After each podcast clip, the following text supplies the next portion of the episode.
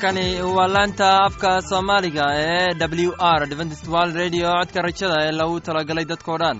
Anigoo ah maxamed waxaan idin leeyahay dhegeysi wacaan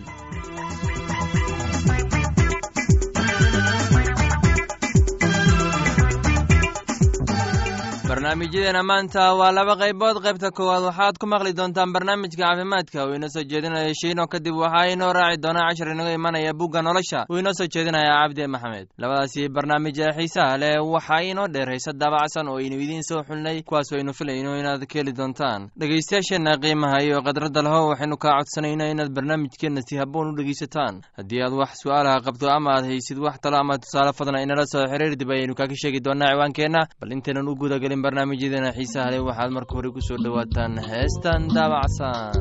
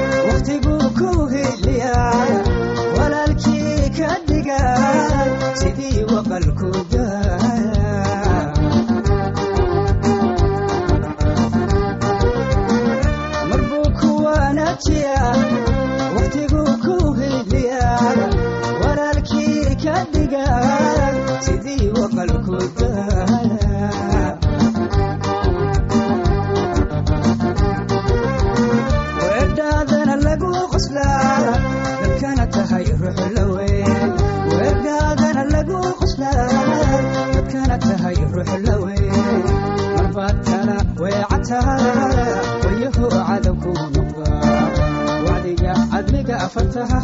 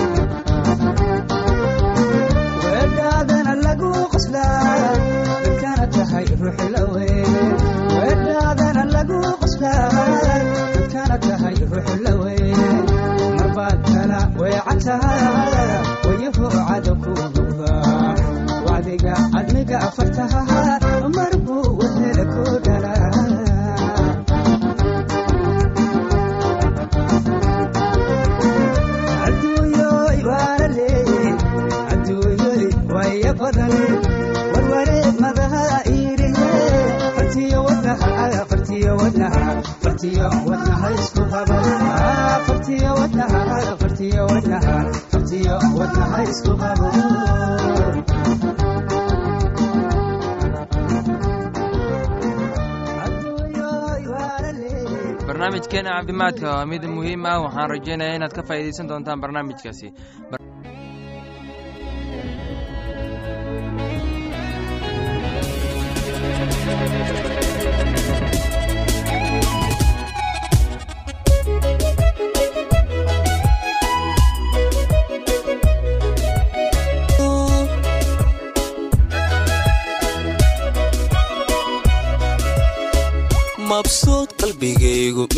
yahay. Muuqiyo aragaaga ilan ma hore. Mabsuud qalbigaygu miduu ku yahay. Muuqiyo aragaaga ilan ma hore. Adoo maqano imogbaan anigu maansada muhasha curiya. Maqano imogbaan anigu maansada muhasha curiya makhluuqa intaan markaa adi galshaan helada magacaaga munay ku xusaa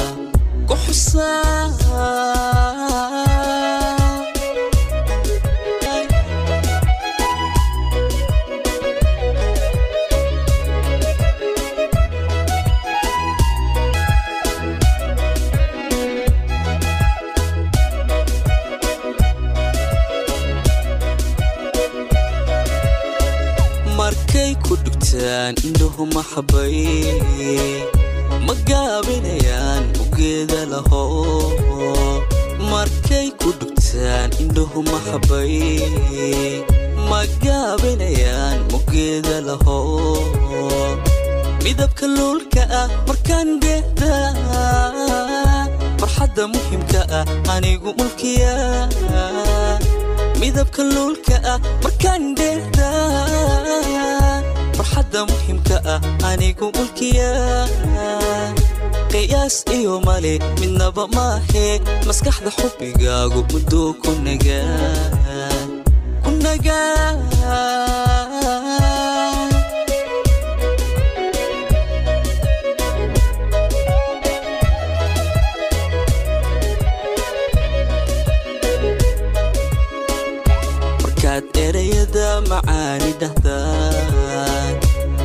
murtida dahabka ah waanaan ku tirshaan.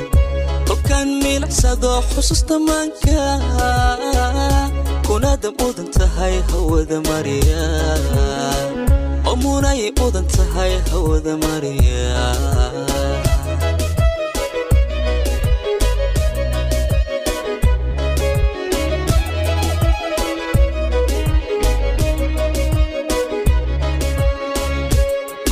erayada macaani dhahdaan. Murtida dahabka ah waanaan ku tirshaan. Qofkaan miilicsado xusuusta maanka kunaada mudan tahay hawada mariya. Munay mudan tahay hawada mariya. Munay mudan tahay hawada mariya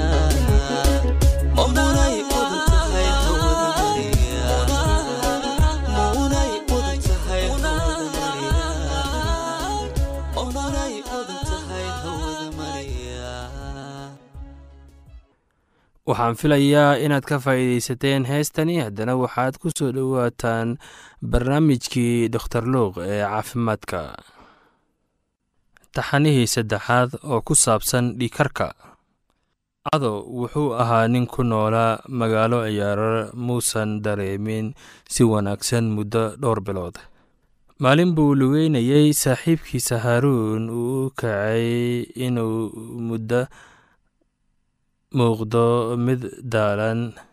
Saaxiibkiisa haaruun buu u kacay inuu u muuqdo mid daalan markii la weydiiyey sababta adoo ma uusan aqoonin dhibka haysto. Wuxuu keliya u jawaabay in uusan caafimaad dareemin dhowr bilood. Dhowr bilood kadib wuxuu dareemay maskax xanuun kadibna wuxuu waxaa lama filaan ah maalin maalimaha ka mid ah in gacantiisa midig ayaa laciif noqotay. Cadoo wuxuu ogaaday in ay wax ka qaldan yihiin adoo buu argagaxay aad buu uga argagaxay maxaa yeelay wuxuu ogaa in dhowr toddobaad uusan caafimaad wanaagsan dareemin. Wuxuu xasuustay hooyadiis aabbihiis inuu u dhinteen dhiikar wuxuuna isweydiiyey haddii kani yahay waxa dhici doona wuxuu ogaaday inay jirto dhibaatooyin weyn. Adoo walaalkiis ayuu wacay. Walaalkiisi wuxuu ogaa in ay wax ka qaldan yihiin. Sidaa daraaddeed isagu wuxuu u yimid inuu soo arko walaalkiis ugala taliyey inuu aado bukaan caafimaad ama isbitaal. Markii ay yimaadeen isbitaalka kalkaalisada caafimaadka ay aragtay waxay markii ugu horreysay ka abbaartay dhiikarka waxay dareentay inuu dhiikarkiisu aad u sarreeyo. Qiyaasta laba boqol iyo labaatan ilaa iyo boqol iyo labaatan dhiiga kore waxay dhib u dib u hubisay dhowr jeer waxay weydiisay sida badan uu dhiikarkaaga uu hubiyo oo ah wuxuu u sheegay tani inay tahay midda ugu horreysay. Kalkaalsyada caafimaadka iyo kadib dhakhtarkii ayaa u sheegay inay hubiyaan inuu ku dhacay istaroog taariikh dheer oo dhiig karka si xun u xakamaysay haddaba su'aashu waxay tahay waa maxay sababta dhiikarka oo dhibaato aad u sarreysa? Maxaa sababa? Ugu dambeyntii maxaa samayn karaa saameyn karaa si loo daaweeyo dhiikarka aynu ka jawaabno ugu horeyn saddexda su'aalood. Waa maxay sababta dhiikarka u socdo uu dhibaato u leeyahay gebi ahaanba. Marka hore waa inaan fahnaa waxa caadi ah iyo waxa dhiikarka u sarreeya. Cadaadiska dhiigga ayaa guud ahaan laga qaadaa qaybta labaad garabka. Waxaa sidoo kale loogu qaadi karaa lugta laakiin cadaadisku wuxuu wuu kala duwan yahay shirka caadiga ee adduunka oo dhan waxaa lagu qaadaa dhiikarka bidix ama gacanta midig kore. Cadaadiska dhiigu guud ahaan wuxuu leeyahay laba lambar oo loo xilsaaray tirada koowaad ama kan hore. Waxaa loo yeedhaa sistolik tani guud ahaan waa inta u dhexaysa sagaashan ilaa iyo boqol iyo afartan. Tirada labaad kani hoose waxaa loo yaqaanaa distolik tani guud ahaan ama caadi ahaan inta u dhexaysa lixdan ilaa iyo sagaashan selsiska cadaadiska dhiigga. Waa boqol iyo labaatan ilaa iyo cadaadiska dhiigga ee u sarreeya wuxuu keenaa dhibaatooyin sababtoo ah.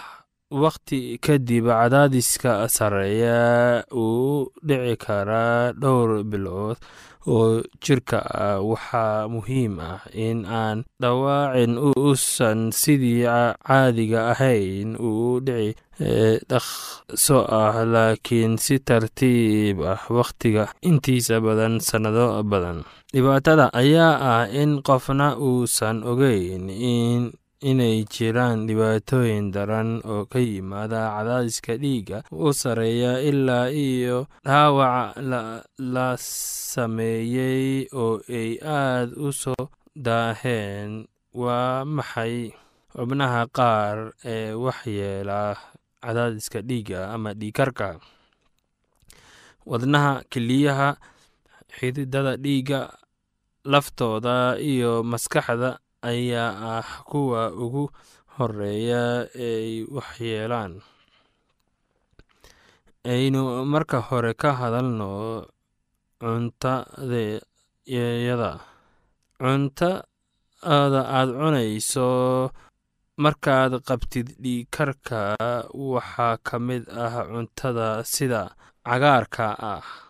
Marka hore waa qaadashada cusbada qaadashada milixa badan waxay sababi doontaa dhikarkaagu kor u kaco. Markuu dadku badanaa waxay isweydiiyaan inay la eg tahay.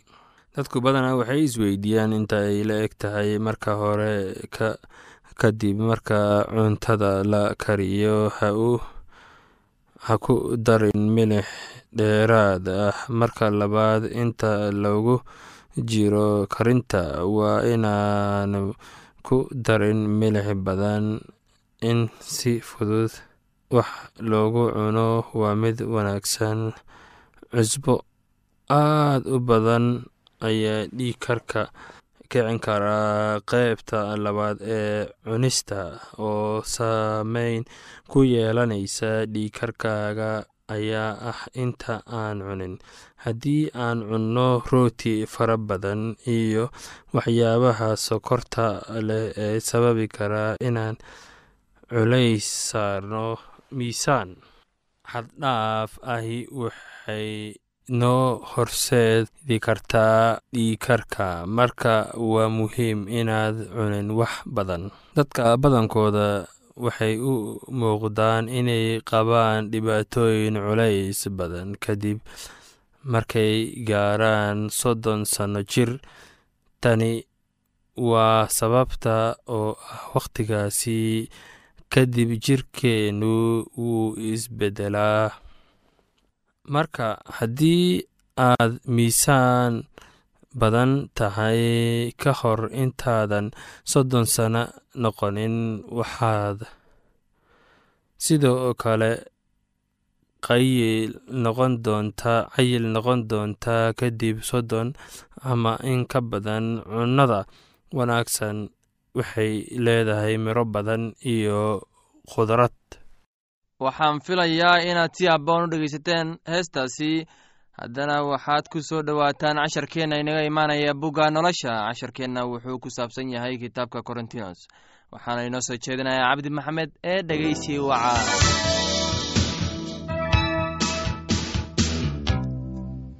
dhegaystayaal weli waxaan ku jirnaa qisadii korintos. Laakiin taas fasax ahaan ayaan u leeyahay ee amrise maayo. Waxaan jeclaan lahaa in nimanka oo dhammu ay sidayda oo kale yihiin laakiin nin kastaba hadiyad gooni ah ayuu ilaah ka helaa midkan sidan kaasna sidaas. Laakiin anigu waxaan kuwa aan guursan iyo carmalada laga dhintay ku leeyahay waa u roon tahay iyaga inay sidayda oo kale sii ahaadaan. Laakiin hadday is-celin kari waayaan ha guursadeen. Waayo waxaa dhaantaa inay guursadaan intay guban lahaayeen. Laakiin kuwa guursaday waxaan ku amrayaa kan amrayaa aniga ma aha laakiin waa rabbiga. Afadu yaanay ninkeeda ka tegin. Laakiin hadday ka tagto ha iska guur la-aato ama ninkeeda ha la heshiiso oo ninkuna yaanu afadiisa ka tegin kuwa kale anigu waxaan ku leeyahay ee ma aha rabbiga hadduu mid walaal ah qabo afo aan rumaysanayn oo ayna raalli ka tahay inay la joogto yaanu ka tegin oo afadii nin aan rumaysanin qabo oo isna raalli ka yahay inuu la joogo yaanay ninkeeda ka tegin. Waayo ninka aan rumaysani wuxuu quduus ku noqdaa xagga naagta oo naagta aan rumaysaninna waxay quduus ku noqotaa xagga ninka rumaysan. Haddii kale carruurtiinna wasaq bay ahaan lahaayeen laakiin haatan waa quduus. Laakiin haddii kan aan rumaysanin tago ha iska tago waxaa oo kale walaalka ama walaashu uma xidhxidhna.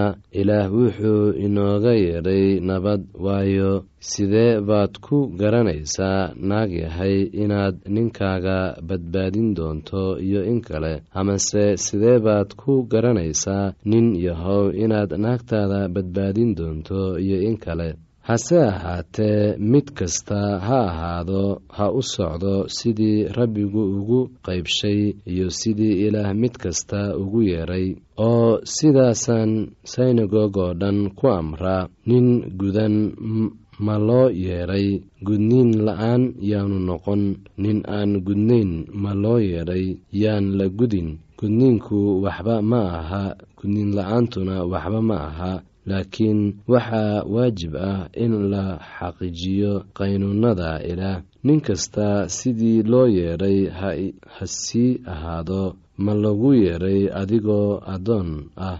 Dan ha u gelin laakiin haddaad karayso inaad xoroodid waa inaad aqbashid waayo kii xagga rabbiga loogu yeedhay isagoo addoon ah wuxuu yahay ninka xorta ah. Sidaas oo kalena kii isagoo xor ah loo yeedhay wuxuu yahay addoon. Qiimo weyn baa laydinku soo iibsaday addoonnimada dadka ha noqonina. Walaalayaalow nin kastoo sidii loogu yeedhay ha sii ahaado isagoo ilaah la jiro amar kibradaha ku saabsan kama haysto xagga rabbiga laakiin waxaan kula talinayaa sida mid rabbiga naxariis ka helay inuu aamin ahaado. Sidaa daraaddeed waxay ila tahay dhibta haatan joogtaa aawadeed inay u roon tahay nin inuu sii ahaado siduu yahay. Miyaad naag ku xidhan tahay? Ha doonin inaad ka furnaato.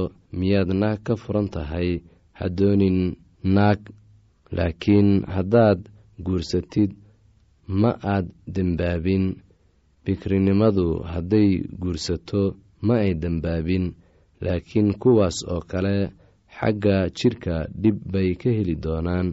Dhegeystayaasheena qiimaha qadirintu mudano waxaynu intaas kaga sii hakanaynaa qisadii buuggii karintoos tan iyo intaynu dib u kulmi doonno sidaa iyo nabadgelyo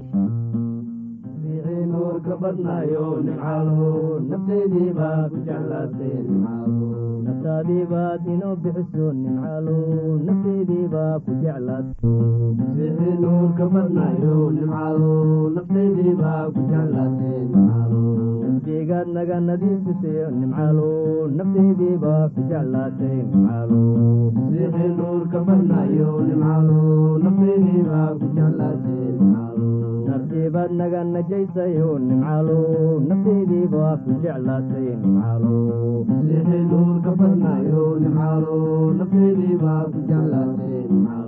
neecaawdi jannadaad nasid nimcaalo nafteediibaa ku jeclaatay nimcaalo masiixi nuurka badnayo nimcaalo nafteediibaa ku jeclaatay nimcaalo dhiigaagii baan ku noolaano nimcaalo nafteediibaa ku jeclaatay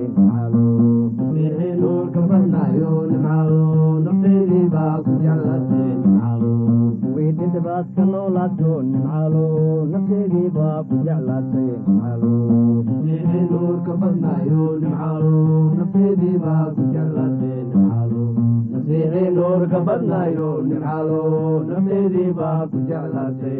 laanta soomaaliga ee w r. Waxay sii daysaa barnaamijyo kala duwan waxaana ka mid ah barnaamij ku saabsan kitaabka quduuska oo aan mar weliba sheegno. Oo ay weheliyaan barnaamijyo isugu jira caafimaad nolosha qoyska iyo heeso aad u wanaagsan oo aad ku wada maqsuudaan casharkaasi inaga yimid bugga nolosha ayaynu ku soo gogobeyneynaa barnaamijyadeena maanta. Halka aad inagala socoteen waa laanta afka soomaaliga ee codka rajada ee lagu talagalay dadkao dhan. Haddaba haddii aad doonayso inaad wax ka kororsato barnaamijka caafimaadka barnaamijka nolosha qoyska ama aad doonayso inaad wax ka barato bugga nolosha fadlan inala soo xiriir ciwaankeenna waa codka rajada sanduuqa boostada afar laba laba todoba lix nairobi kenya. Mar labaad ciwaankeenna waa codka rajada sanduuqa boostada afar laba laba todoba lix nairobi kenya. Waxaa kaloo inagala soo xiriiri kartaan emeilka somali e w r at yahu dt com. Mar labaad emeilku waa somali e w r at yahu dt com. Dhegeystayaasheenna qiimaha iyo khadradda lahow meel kastaad joogtaan. Intaa mar kale hawada dib uu kulmayno anigoo ah maxamed. Waxaan idin leeyahay sidaas